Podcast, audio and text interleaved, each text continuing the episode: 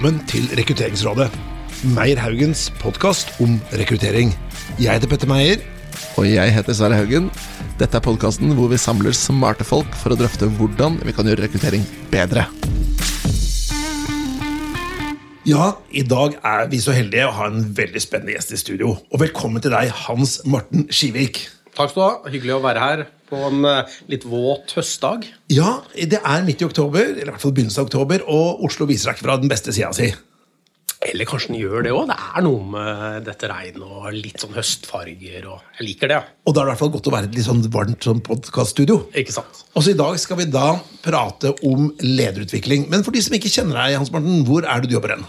Du, Jeg jobber i AFF, som er en stiftelse under Norges handelshøyskole. Uh, det er uh, ja, et konsulenthus. eh, Hvor vi driver med organisasjonsutvikling, lederutvikling, og vi driver også Solstrand-programmet, som var liksom det opprinnelige AFF. Og Solstad-programmet er jo veldig sånn viden kjent da, i forhold til, eh, i forhold til uh, lederutvikling i Norge. Og er vel liksom, hva skal vi si, er det Rolls-Royce av lederutviklingsprogrammet i Norden, eller?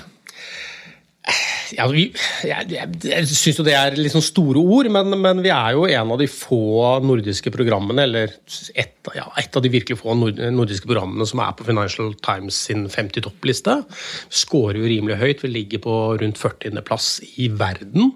Så det er jo et lite eventyr, et lite lederutviklingsprogram i Os uh, utenfor Bergen. Um, og så er det et program som har, har, pågått i mange år. Det ble startet i 1953. Det var første kullet. Uh, og den gangen så var det også revolusjonerende, og så revolusjonerende at denne professoren i, i organisasjonspsykologi, uh, professor Våler, han, han turte jo ikke å starte dette programmet på innsiden av Handelshøyskolen, så han var ganske innovativ, så han lagde en stiftelse på utsiden. Så i mange mange år så var det programmet som var AFF. Mens i dag så har vi også stor virksomhet på å bistå organisasjoner. Det som kanskje er annerledes med oss og andre, er at vi er en stiftelse, så det er på en måte ingen eiere som skal ha ut noe kapital. Så alt går tilbake igjen til, til faget, på sett og vis. Og Vi skal prate mye mer om både AFF og Solsand-programmet. Men jeg har lyst til å bli litt bedre kjent med deg, Hans Morten. Kan ikke du dra meg veldig sånn kjapt gjennom sånn Du har jobbet da med la oss si, lederutvikling i egentlig alle år, og så har du skrevet en del bøker. Ja. For det, det, første og viktigste å si er at jeg er en enkel gutt fra Horten. Det er liksom primæridentiteten min. Det er det aller, aller viktigste. Og så har jo du og jeg studert sammen i gamle dager, da vi var unge og håpefulle, for sånn ca. 30 kilos tid siden. Ja, ja. Eh, pedagogikk, hovedfag. Eh, så har jeg en, en, mastergrad i konflikt og megling fra København, en eh, psykoterapeutisk grad og litt grann kompleksitet og endring fra UK. Ja. Skrevet et par bøker, en om konflikt og en om relasjonell ledelse. Nå holder vi på med helt i starten av en bok om hverdagsforhandling. Ja, du, og Den gleder jeg meg til å lese. Jeg har lest de andre bøkene dine, og de er absolutt uh, good reading for de som er opptatt av den type temaer. Men hvis jeg skulle møtt deg i en sosial sammenheng, da, Hans Martin, og så skulle jeg spurt deg du, hvilket tema utenom jobb er favorittemaet ditt, og du kan prate om hele kvelden, og det er en guilty pleasure, og du bare får masse masse energi. Hva skulle det vært? Ja, det ene er at jeg blir sånn svar skyldig. Hva skal jeg snakke om da, hvis ikke jeg skal snakke om jobben? Um Nei, altså da tror jeg jeg ville snakket om, jeg ville snakket om uh, reising, kanskje. Favorittreisemål. Uh, det er kanskje noe av det jeg savner nå mest oppe i coviden. Uh, jeg tror, tror, kanskje det hadde vært Og så håper jeg at møter en som har noen av de samme favorittstedene. Da. Ja, Og jeg vet jo at du er veldig glad i Sørøst-Asia, stemmer det? Ja, altså Asia, men også, også Makedonia. Uh, deler av Europa. Så det er flere favorittsteder. Men jeg er jo sånn som reiser tilbake til de samme stedene. Ja. Så det, det, er nesten en forutsetning av å ha vært på samme sted for å snakke om det, syns jeg. Ja, nettopp. Ja. Og, men det er altså god mat, uh, god vin Du er en livsnyter, er det lov å si det? Livsnyter, ja. Både uh, litt sånn i hverdagen. så hver dag er en fest. Jeg scorer det ganske høyt på sånn livsnyting på personlighetstester. men også det å Ja, altså liksom koble fritid og jobb på et vis. da. Ja. Play hard, work hard, tror jeg Ja, var en sant? kategori som het en gang. Ja, ja, ja. Ja. Men du, øh, hvis vi da øh, skulle bli enda mer kjent med deg, øh, har du noen sånne secrets som folk ikke vet om?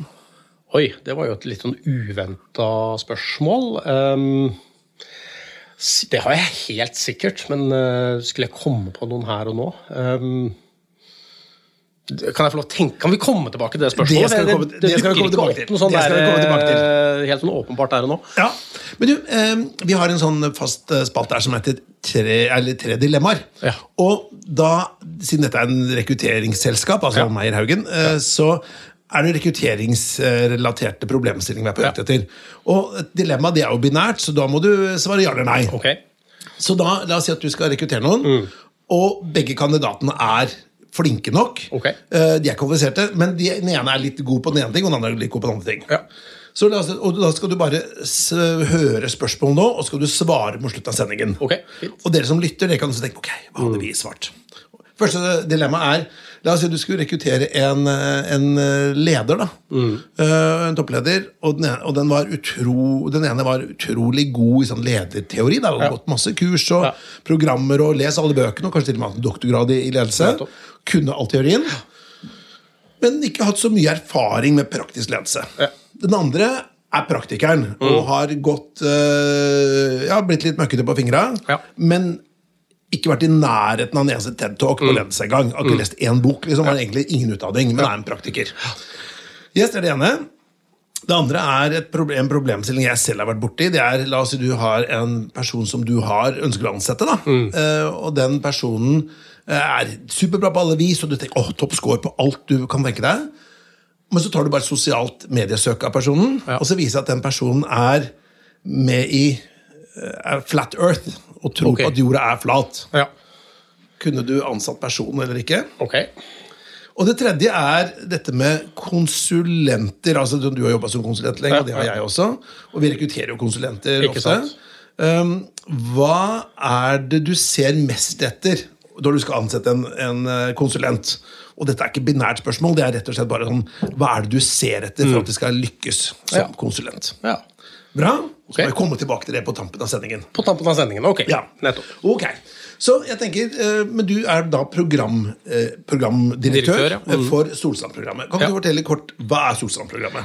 Ja, Solstrand-programmet er et eh, lederutviklingsprogram for toppledere som er i posisjon. Eh, Det er erfarne ledere. Det er et ganske omfattende program. Det er syv uker.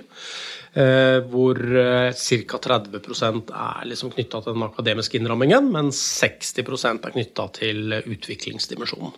Så det er, et, eh, det er et prosessuelt program. Eh, Som jeg refererte til eh, tidligere, så har det jo pågått i veldig veldig, veldig mange år. Eh, Det skulle jo være en døgnflue, det var det som var planen. Eh, Men nå er vi jo Jeg tror det var eh, kull nummer 68 jeg eh, satte i gang nå for bare litt over en uke siden.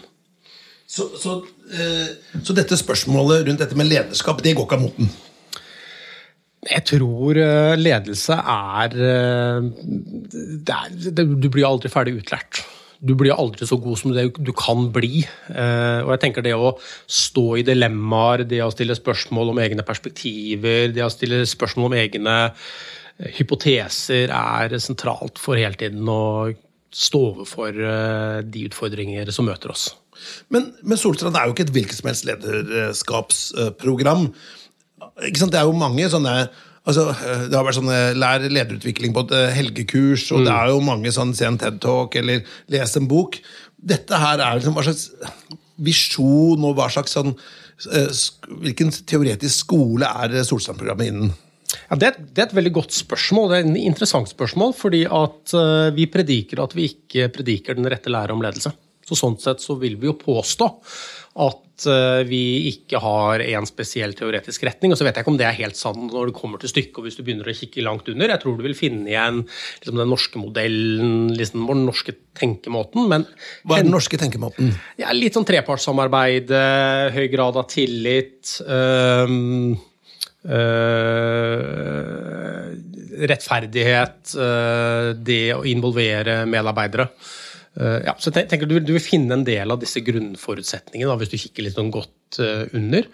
Eh, men det vi er opptatt av, er å presentere helt ulike perspektiver på ledelse. Gjerne perspektiver som slår hverandre i hjel, og så er det opp til hver og en av deltakerne faktisk å finne ut av hva som stemmer for de. Så vi har ikke én ideologi. Nei, nettopp. Så, men allikevel så er det jo en det er jo et ganske omfattende program. da. Det er jo over lang tid. Syv uker, ja. Syv uker, og fordelt på Det er fire samlinger, eh, og du har da de tre første samlingene går over elleve dager, og så har du én samling som går over én uke. Ja, så eh, jeg tenker at eh, Og det, det strekker seg over et halvt år? Eller et Halvannet år. Halvannet år, ja. Ja.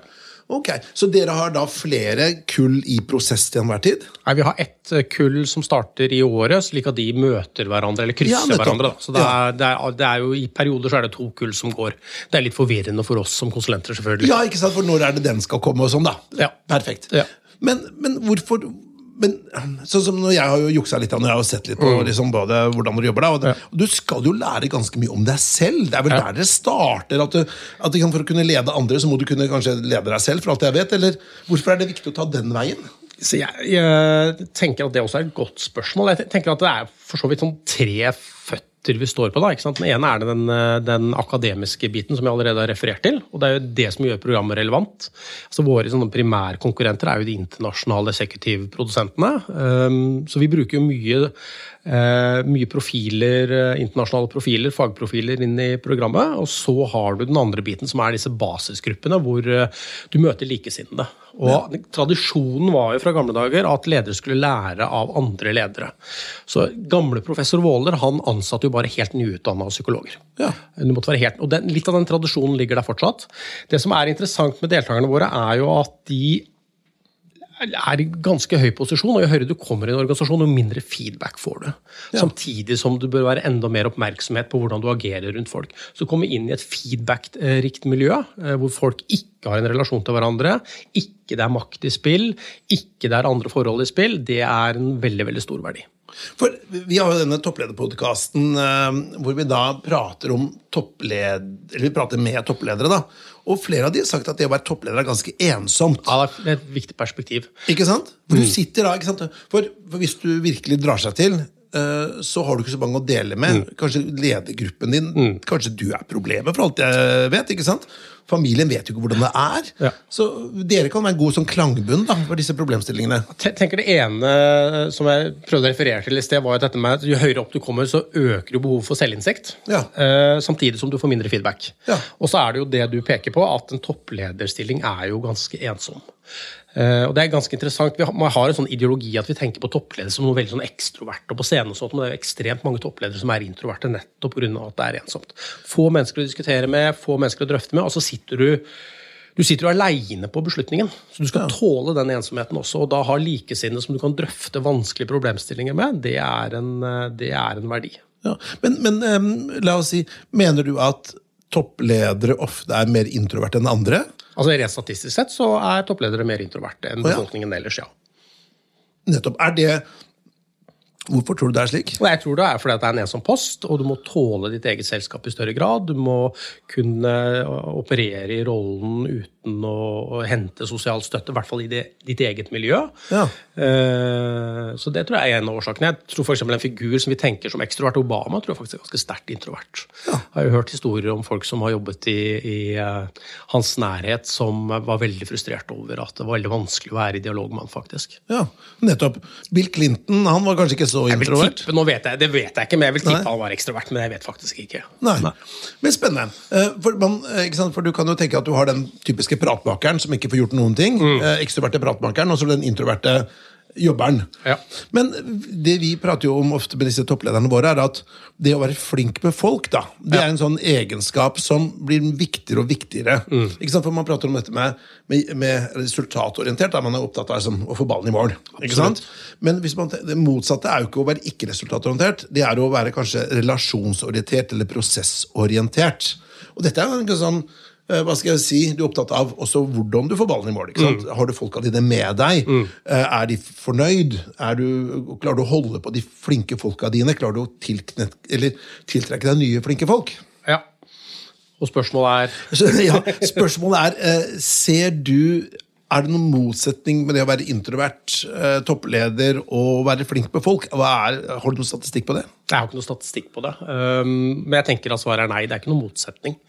Um, men jeg tenker at det er en forutsetning å være flink med folk. Ja. Uh, og særlig i norsk kontekst også, hvor vi forventer det. Um, uh, og så har vi også det er kanskje litt sånn feil å snakke om sånne generasjonsforskjeller. og uh, Den forskningen er jo litt sånn Ja, du, kan- du kan stille spørsmålstegn med forskning, men allikevel så er det jo noen interessante, noen interessante forhold der. ikke sant? Hva, hva trenger den generasjonen som er på vei inn i arbeidslivet nå? Eh, de har høye forventninger til seg sjøl, de har høye forventninger til andre. Eh, de ønsker anerkjennelse. De er ikke så veldig opptatt av de tradisjonelle organisasjonene. De er ikke så opptatt av autoritet som følger en rolle, osv. Ja. Du må bruke mer av deg sjøl, tenker jeg, i møte med dem. Ja. Men for det et av de spørsmålene jeg hadde på blokka, er at ehm, Er det noe i at liksom den millennialsen, da, altså de som er født da uh, Hva skal jeg si Eller ferdig ut De er født mellom er det 95 og, og, og eh, 15? Ja. Eller der omkring. Ja. Altså, de, er nå, de er jo nå i ferd med å bli ferdig på studiene sine og er nå på full fart inn i yrkeslivet. Men veldig få av dem har jo rukket å bli ledere. da, Kanskje Ja, noen er noen ja, ja. gründerledere, og sånn, men toppledere har de rukket, ikke rukket å bli ennå. Hvordan vil du si er Er det noe ny lederstil? Må man altså, hva, hva skjer der? Det er også et veldig godt, eh, det er også et veldig godt spørsmål. Jeg tenker, jeg tenker at den generasjonen som kanskje er på vei inn, nå er liksom generasjon X på steroider, på sett og vis. da. Ja. Um, og så har du jo også de fleste, ikke de fleste, men veldig mange virksomheter har jo også kunnskapsmedarbeidere og de der cleverness-medarbeiderne med seg. Eh, ikke sant? Det er jo kompetanse og identitet er nært sammenkoblet. Um, der medarbeiderne dine kjenner sin verdi. Eh, er, de er litt sånn organisasjonsresistente, og de er kanskje litt, til og med litt sånn ledelsesresistente. Så spørsmålet er hvordan kan jeg skape eh, Nei, nå detter jeg her. Eh, Her må vi klippe. Nei, ja, men, men tankegangen er at Hva skal jeg si? Hvis vi da har en tanke da, om at lederstil før, da, lederstil for 100 år siden, 50 år siden var mye mer autoritær. Ja. Du, du var leder med stor L, og det du sa, var lov. Og så satt du i jobben din veldig veldig lenge. ikke sant? Du ser i hvert fall sånn CV-er til folk som de, de, de kunne være som ledere i, i store børsnoterte selskaper i 50 år, eller i hvert fall 20 år. Ingen stilte spørsmål seg med det. I dag går øh, er det kortere øh, Du er leder i kanskje kortere perioder. Det er nye typer altså Lederskap er mye mer delegerende, inkluderende. Og dermed så må vel også lederutviklingen tilpasses. Ja, svaret er ja. Ja. Ja. Hvordan har dere klart det? For dere har holdt på da siden 50-tallet. Hvordan har dere endra deres program? Eh, altså det, som var, det, det som var interessant i 53, det er at da snakket man jo ikke om ledelse i det hele tatt. Man hadde ikke noe begrep for det i Norge. eh, og Derfor heter det jo AFF AFF. Ja. Eh, og Solstrandprogrammet het jo ikke Solstrand-programmet, det het kurs i administrasjon. For det at folk visste i hvert fall hva administrasjon var. Ja, nettopp. Eh, så, så det som var ideen den gangen, det var å få inn det organisasjonspsykologiske temaet, relasjonstemaet. Ja. Um, og i tillegg til liksom disse klassiske tingene den gangen. Ja. Uh, og så er det jo sånn at eh, jeg tenker at Mye av det som har endret seg, er jo innretningen av det faglige. Altså hva slags type eh, akademikere vi har på dagsordenen. Og så har jo deltakerne endret seg, og de har med ulike typer problemstillinger i dag enn de kanskje hadde for 30 år siden. Så det handler mer om hva folk har med inn av forhold som de ønsker å jobbe med. Dette er jo skreddersydd rundt den enkelte deltakeren. Ja. I lys av at du inviteres til å ha med deg de tingene du ønsker å jobbe med inn i programmet selv, om det så er på vegne av organisasjonen eller på vegne av rollen din. Men du har også pratet om at dette, det finnes en del myter innen ledelse. Og øh, hva er disse mytene? Altså jeg tenker en av, en av de som jeg koser meg mest med, da, det er jo myten om at alt går så mye fortere, at vi står overfor en verden med masse endring, og alt er så veldig komplekst.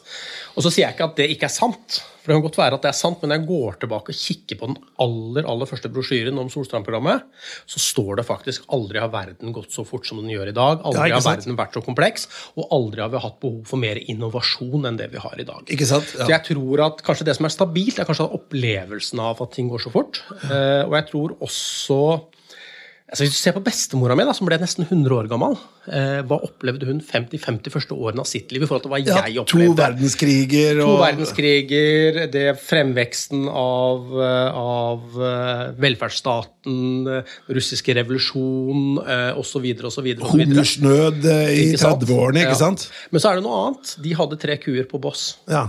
Så jeg tror at opplevelsen av livet var nok mye mer stabilt. Mens Ja. det kan godt være at som den omkringliggende konteksten, den, eh, den var vel så kjapp som i dag. ja. Eh, Så det syns jeg, jeg synes det er morsomt bare å leke med, da, om leke med tankene, men kanskje verden aldri har gått så sakte som den går nå.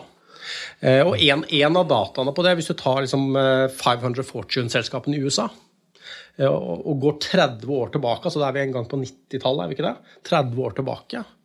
Så skulle man jo tro at det er ekstremt store endringer på den listen i dag. Hvis du tar de som er helt nye, som ikke eksisterte for 30 år siden, så er det ca. 15 nye selskaper. Og det er en 16-17 selskaper som har gått konkurs siden. Altså det er rimelig stabilt. Det er utrolig interessant. Ja. Men, men, eh, ok, det var den ene myten. Så jeg tenker Én myte er at uh, alt går så veldig fort. Ja. Det er i hvert fall en myte som er interessant å stille seg spørsmål om om det er en myte. Ja, ikke sant. Så det er den ene myten. Og du har flere? Ja, altså, jeg tenker også at vi har en sånn grunnleggende myte om at ledelse er noe som er inni lederen. Ja. Uh, og mye av forskningen bygger jo også på det, og liksom vår sånn hverdags, hverdagssnakk rundt ledelse. Og hvis vi, Du spurte om ideologi sånn innledningsvis, så kanskje noe av ideologien vår ligger i å se på ledelse som noe er imellom. Og at ledelse nødvendigvis ikke handler om posisjon, men at ledelse kan skje hvor som helst i en organisasjon, uavhengig av hierarki. Og at ledelse skjer mellom folk. Og så tenker jeg også... Ja, Det relasjonelle biten her? Ja, den relasjonelle dimensjonen, og det oppstår mellom oss. For en leder må jo ha en følger. Ja. Eh, så det å bare stille spørsmål om lederens egenskaper eller gå til erfarne ledere og få noen råd av de, som vi ofte gjør når vi leser biografier. ikke sant? Eh, det er ikke det at det ikke er nyttig, men det er kanskje ikke nok. Ja. Ehm, vi stiller jo ofte spørsmålene hva kjennetegner den gode lederen, eller hva mener ledere som har gjort det godt, er den gode oppskriften. Mm. Så det tenker jeg også er en myte. Ja, for Man har jo mye litteratur som sier at sant, du skal se sånn, man, man, man, ser på da det man kaller sånn survival bias. Da. Du, ser kanskje de, de topplederne i disse Fortune 500-selskapene mm. i Norge eller mm. USA. Og så okay, hvilke, hva kjennetegner de? Er det liksom resultatfokus? Er det som en, en, en barndom i fattigdom? Eller, jeg vet ikke, ikke sant? Og hvis man da på en måte eh, reproduserer det, så får du en toppleder. Ja. Men det er jo ikke tilfellet. For det er, det jo litt tilfeldig vet du, hvorfor det er sånn. Ja, der, der, kommer kanskje den tredje myten inn. da, eh, og Det er at eh, kontekst ikke er så viktig. Så tenker jeg Kontekst er konge i forhold til lederskap. Ja. Kontekst er tyngdekraften. Ja, så hva som er, altså, jeg tenker at Situasjonen vi leder i, er, er vel så viktig som hvem lederen og hvem medarbeiderne er. Og så tenker jeg at Hvis man skal gi ett råd i forhold til ledelse, så tenker jeg at det er situasjonstøft. Ja. Hva er annerledes med denne situasjonen? Ja. Hvordan kan jeg endre denne situasjonen fra innsiden? Hvordan kan jeg stå i denne usikkerheten og kompleksiteten eh, og ivareta meg selv og ivareta organisasjonen, selv om jeg ikke vet? Ja. Og Den prøven tenker jeg veldig mange har vært utsatt for nå i disse covid-tider. Ja, ikke sant? For Det er et begrep som heter endringsledelse. Og jeg har alltid vært litt sånn skeptisk til ordet endringsledelse. for for er det ikke det som er ledelse? da? Det er å lede i endring. Du er jo ikke der for å bare drifte. Er jo, du er jo der for å utvikle, bygge, endre. Ja, jeg deler veldig det perspektivet ditt, Petter. Ja. Um, og jeg tenker En måte å se på endringsledelse på, det er at endringsledelse er bare mer av det samme. Ja. Uh, det som jeg tenker er, er noe av utfordringen, er at hvis jeg, hvis jeg, refererer til Julian Birkenshaw, som er en av våre forelesere, sier han at det som er problemet med ledelse, er jo at det, it's an unnatural act. Ja. Det er en unaturlig handling som ligger der, for du må jobbe litt mot dine egne naturlige preferanser. Eh, og veldig ofte når vi står i, i større endringsprosesser, så gjør vi jo det motsatte av det vi vet organisasjonen trenger. Rett og slett for Vi blir fanget av struktur, vi blir fanget av møter, vi blir fanget av oppfølging, vi blir fanget av skjemaer. Ja. Istedenfor å være der ute sammen med folk. For du har jo da møtt veldig mange ledere, gode og dårlige sannsynligvis. Eh, og hvis du skulle sagt hva er de, hva er de største, eller ja, vanligste og største problemene en leder kom, blir utsatt for i en norsk kontekst? Åh, oh, Det er et stort spørsmål. Um, så vet jeg ikke om det er et, et gyldig svar på om det er noe som er det vanlige. Um, jeg tenker jo En av de tingene eh, som er litt sånn norsk, det er jo at vi er ikke så veldig gode på friksjonskompetanse. Vi er ikke så veldig gode på konflikter. og ser du Særlig i offentlig sektor så ser du mye av disse varslingssakene som jeg tenker er et, eh, et, jeg tenker det er et tegn på at noe ikke står helt godt til med konfliktløsningen vår. Ja. Jeg tror at denne covid-situasjonen gjør at vi må reforhandle mange avtaler, både uformelle og formelle avtaler. slik at den rett og slett kall det forhandling. Hverdagsforhandlingskompetansen er sentral. Den dialogiske kompetansen. Ehm, så det tror jeg er to viktige ting. Hvis jeg skal peke på noe som er veldig sånn sentralt, Eh, og så tenker jeg det at selv om jeg i sted sa at kanskje verden ikke går fortere, allikevel så er jo opplevelsen at det er komplekst. Og det å tørre å lede fra innsiden og ikke sitte på utsiden og tenke at du skal lede en endringsprosess fra utsiden av organisasjonen. Ja. Eh, og tåle kompleksiteten, eh, og tåle at ting er uoversiktlig. Eh, og tåle å tvile. Tvile på tvilen, kanskje. Eh, Ja. Og tro på tvilen. Eh, eh, og tenke at det er ikke eller I disse situasjonene så er det ofte ikke to streker under svaret. Du må finne ut hvilke dilemmaer du må leve med. Ja. Men jeg, jeg, var, jeg ønsker å gå tilbake til det du kalte friksjonssituasjoner. Da, Friksjonskompetanse. Eller? er, ja, eller der hvor det er høy konflikt. da, Ja, Et ja, ja. for det. La oss si at den, Eller den vanskelige samtalen. Og, og Jeg har vært leder i mange år selv, og, og det som jeg syns har vært de, ofte de tøffeste, vanskeligste, det er når du må si opp folk. da. Eller når du, det er personer som ikke gjør en god nok jobb. Og Mm. du tenker at jo, personen er en bra person. Det er en hyggelig og grei person, men dette funker ikke. Ikke sant? Det syns jeg er ja, Det er i hvert fall det som man kvier seg mest for. da. Ja. Men, og det tipper jeg alle, at Du skal ikke være leder i veldig mange år før du kommer opp i en sånn situasjon.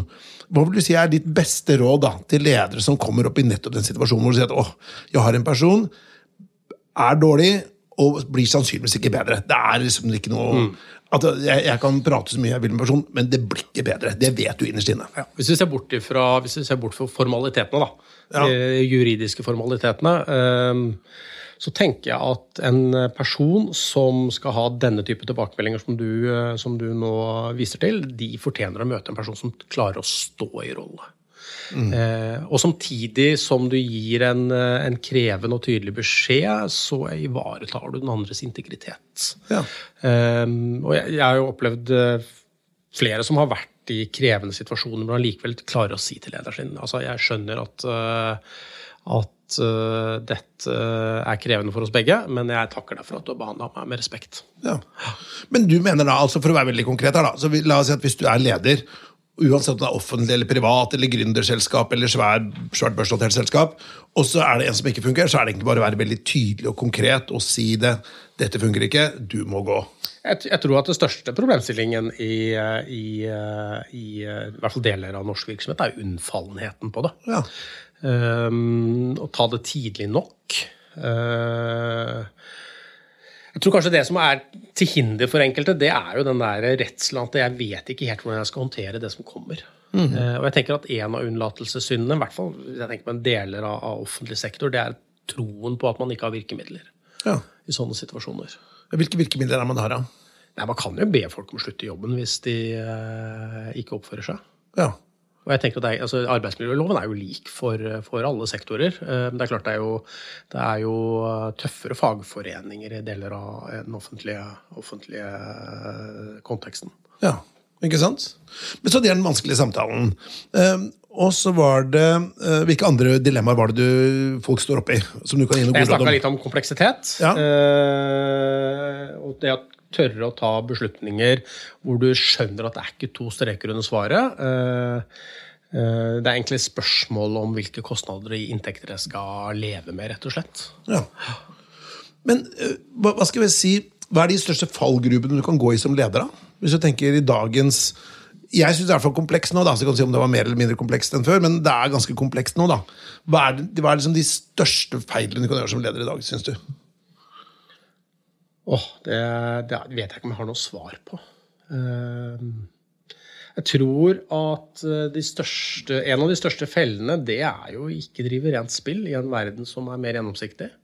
Og ikke tro at folk finner ut at du eh, har vært litt sånn i gråsoner når det gjelder verdier eller etiske prinsipper. Jeg tror det, det må være svaret, rett og slett, eh, på det. altså. Ja. Men etiske prinsipper, det å måte ha et verdigrunnlag enten i bedriften eller i magen selv, da, og så Ja. bruke det som et kompass. Ja, Det er vel den gamle, den gamle tanken om at tåler dette forsiden av VG eller Ja, ikke? ikke sant? Det var det sånn som vi lærte i militæret, er at ja. gjør rett, frykt ingen. Ja, ikke sant? Så det er lettere sagt enn gjort, kanskje. ok. Um, vi har lyst til å prate om dette med rekruttering. Okay. dette er jo en rekrutteringspodkast.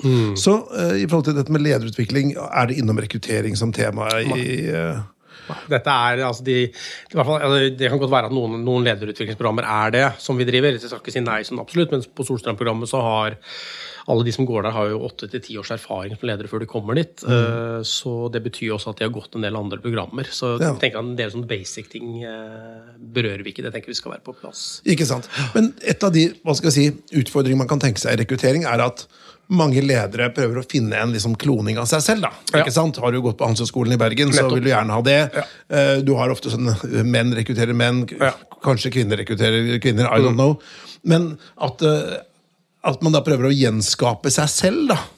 Og, og kanskje ender opp med sånn, sånn ja-korps rundt seg som tenker likt og godt på de samme skolene, lest de samme bøkene, er med i den samme roklubben. Mm. Er, det, er det viktig? Om det er viktig eller riktig? Nei, jeg tenkte på det er, er det hva skal jeg si, er det, er det, det noe innom å se seg selv i Jeg tror, jeg tror, tror i hvert fall det er en felle som det er lett å gå i. Eh, og, så, og så har vi en Vi sier at vi gjør det motsatte, men hvis du går inn og ser på, på populasjonen, så er det kanskje mer likt enn man tenker seg at det er. Ja. Så jeg tror i hvert fall det er en felle man skal være oppmerksom på. Ikke sant? Du, Jeg leste en sånn artikkel om dette med altså diversity, eller ja. mangfold. Eh, og det som ofte blir sett på da som sånn Det er kanskje en hva skal jeg si, det har vært en veldig sånn sterk sånn megatrend at man skal ha mangfold i ledelse, mangfold i staben sin. Men har dere gjort noen forskning på det? Er det viktig med mangfold, eller? Vi har ikke gjort noe forskning på det. eh, Og jeg tenker at, eh, jeg tenker at hvis du skal se på, sånn, på teamnivå, da, Ja. eh, så er det jo det er enklere å få et team til å fungere hvor folk er relativt like hverandre. Ja. Du kommer jo fortere i, gang. Men hvis du skal ha virkelig sånn høytpresterende team, Ja. så er jo mangfold en fordel, men det er også en risiko. Ja. Hvis du ser på de veldig mangfoldige, de veldig mangfoldige gruppe, eller lederteamene, altså enten går det kjempebra, eller så går det kjempedårlig. ja? Der er det et enten-eller. Fordi jeg tenker at det, Mangfold kan jo være så mye. da, Mm. ikke sant? Man prater om mangfold, Ofte så prater man om det i forhold til alder, prater om kjønn, etnisitet, seksuell legning. Det kan være geografi. ikke sant? Det er jo mange variabler. da. Og Der mener jeg selvfølgelig at det er lurt med et mangfold. Ja. Men la oss si, vil du ha mangfold i forhold til etikk? Vil du ha mangfold i forhold til moral? Ja, er vil ha for, mangfold i forhold til work ethics? Vil du ha mangfold i forhold til uh, hvordan du Altså uh, integritet? Vil du ha mangfold i forhold til, til de tingene som på en måte, hvis, I forhold til å være målrettet? Altså, Mangfold er ikke mangfold. Det er, det er på noen variabler vil du ha mangfold, og andre variabler vil du ikke ha mangfold. De, de aller fleste av utsagnene dine nå så ville jeg sagt nei, eh, og på det siste så ville jeg sagt ja. Eh, Det er forskjell på målrettethet og det å være veldig på ballen og skulle score mål. eh, eh, har en fordel, men det er også det å analysere kampen og utforske hva som er i feltet, er også viktig. Så kanskje den siste, det siste utsagnet ville jeg sagt der kan vi kanskje ha mangfold, men på de øvrige så ville jeg kanskje sagt nei. Der må det være noen grenser. Ikke sant? Ja. Så, men det, det som er tankegangen her, er at når du hører neste gang du hører å, det er så viktig med mangfold, så tenker man ok, ja, mangfold på Mm. Hvilke variabler da? I forhold til hva, ja. Ja, ikke sant? Men du, jeg tenkte vi skulle gå over til disse dilemmaene våre. Ja. Og um, jeg skal bare repetere det, og nå kan du få lov til å svare. Ja. Og her er det snakk om rekruttering, og det er to kandidater. Begge er kvalifiserte. Ja. Eh, Så den ene er da teoretikeren Ja. med eh, kanskje en doktorgrad fra Harvard eller godt Solstrand-program og veldig teoretisk anlagt. Har det ikke gått Solstrand-programmet? det går ikke, det er eh, selvmotsigelse. Ja. Ok, Men, eh, Og så har de, den andre er veldig praktisk anlagt. Ja. Hvem har du valgt? Nei, ja, det er veldig enkelt å svare på. Jeg har valgt den praktiske. Jeg tenker teoretisk teoret, te, Teoretisk ledelse er også en praksis, men det er ikke en lederpraksis. Nei, Det ville absolutt gått for praktikeren. Ja. Ut, fra disse, ut fra det du har sagt nå. Ja, Så du kan ikke lese deg til god ledelse? Nei, overhodet ikke. Nei. Nei. Du, må, du må ha liksom uh, earn your stripes og vært litt uti i jeg tenker Det finnes ekstremt mange gode ledere som aldri har lest en bok om uh, ledelse. Jeg tenker at det er mange middelmådige ledere som uh, kan mye i teorien om ledelse. Ja, bra. La oss si at uh, du, har, eh, du er veldig nær ved å signere en, eh, en, en veldig nøkkelmedarbeider hos deg. Da. Ja, En leder eller en ja. Og så alt funker. Bra personlighet, mm. referansene er strøkne. Nydelig liksom, på intervjuer, tester. Alt er Alle pilene peker rett nord. Og så tar du en sånn sosiale medier-søk på personen, og så ser du ok, denne personen er med i, i UFO Norge. Ja. Hva gjør du da? Hvis det bare er det Ja. Nei, det tenker jeg det er greit. Så de tror har sett for. Men, men I stad sa du flat earth, ikke sant? Ja, det er det neste. Og da sk- skrur vi det opp et lite ok, ikke sant? tak, ja. Nei, jeg tror Ja. fortsatt, det er, ja, altså, det er, det er Jeg tror faktisk det er sånn rimelig innafor fortsatt, ja, altså. Så, så hvis du for eksempel kunne hatt en, eh, en konsulent hos dere da, som tror at jorda er flat, som tror jorda er flat